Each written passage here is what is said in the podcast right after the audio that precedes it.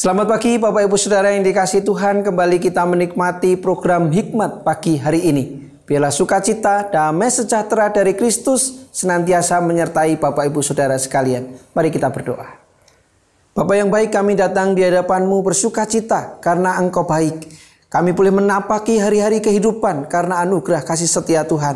Demikian juga dengan hari ini, kami boleh menikmati hikmat pagi itu karena anugerahmu. Berkati kami dengan sukacita, berkati kami dengan kesehatan dan kebahagiaan. Di dalam nama Yesus kami berdoa. Amin. Bapak Ibu Saudara yang dikasih Tuhan, tema kita pagi ini adalah pendidikan Kristen adalah mandat Tuhan. Mari kita membaca Injil Matius pasal 28 ayat 20. Injil Matius pasal 28 ayat 20 demikian. Dan ajarlah mereka melakukan segala sesuatu yang telah kuperintahkan kepadamu. Dan ketahuilah, aku menyertai kamu senantiasa sampai kepada akhir zaman. Berbahagia setiap kita yang membaca, merenungkan, dan melakukan firman-Nya. Haleluya.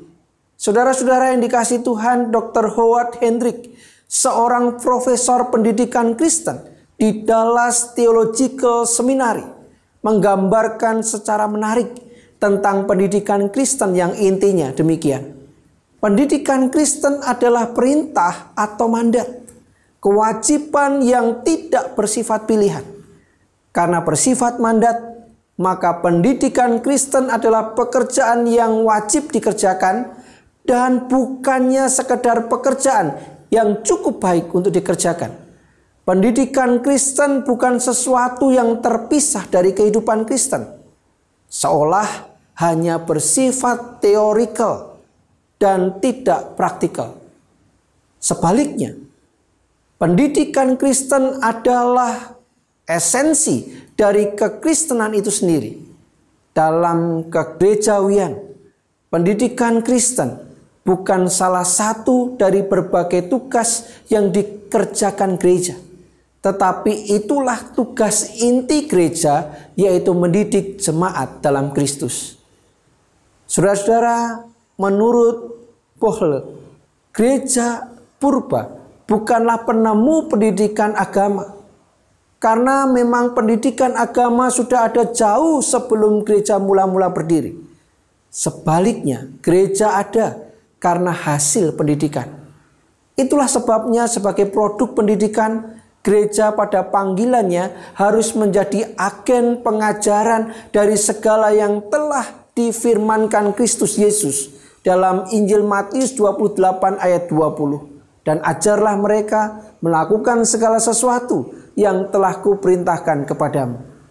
Tugas setiap orang percaya adalah menyampaikan perintah-perintah Kristus menjelaskan kepada anak didik, menekankan pentingnya ketaatan kepada perintah-perintah itu dan membantu mereka menerapkan perintah-perintah itu dalam hidup keseharian.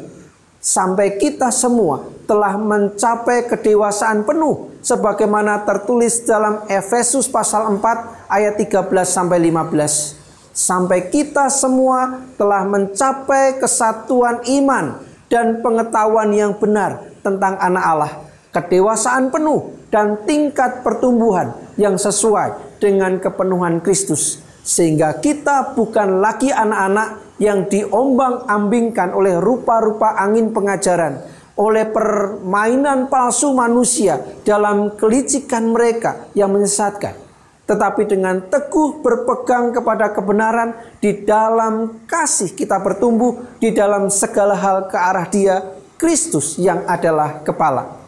Saudara-saudara, jadi peran yang sekarang setiap orang Kristen lakoni adalah peran para murid yang menerima mandat Kristus. Itu berarti tanggung jawab untuk mewujudkan amanat agung Yesus Kristus pun menjadi bagian kita. Ingat, kita adalah murid Kristus yang memuridkan. Amin. Mari kita berdoa.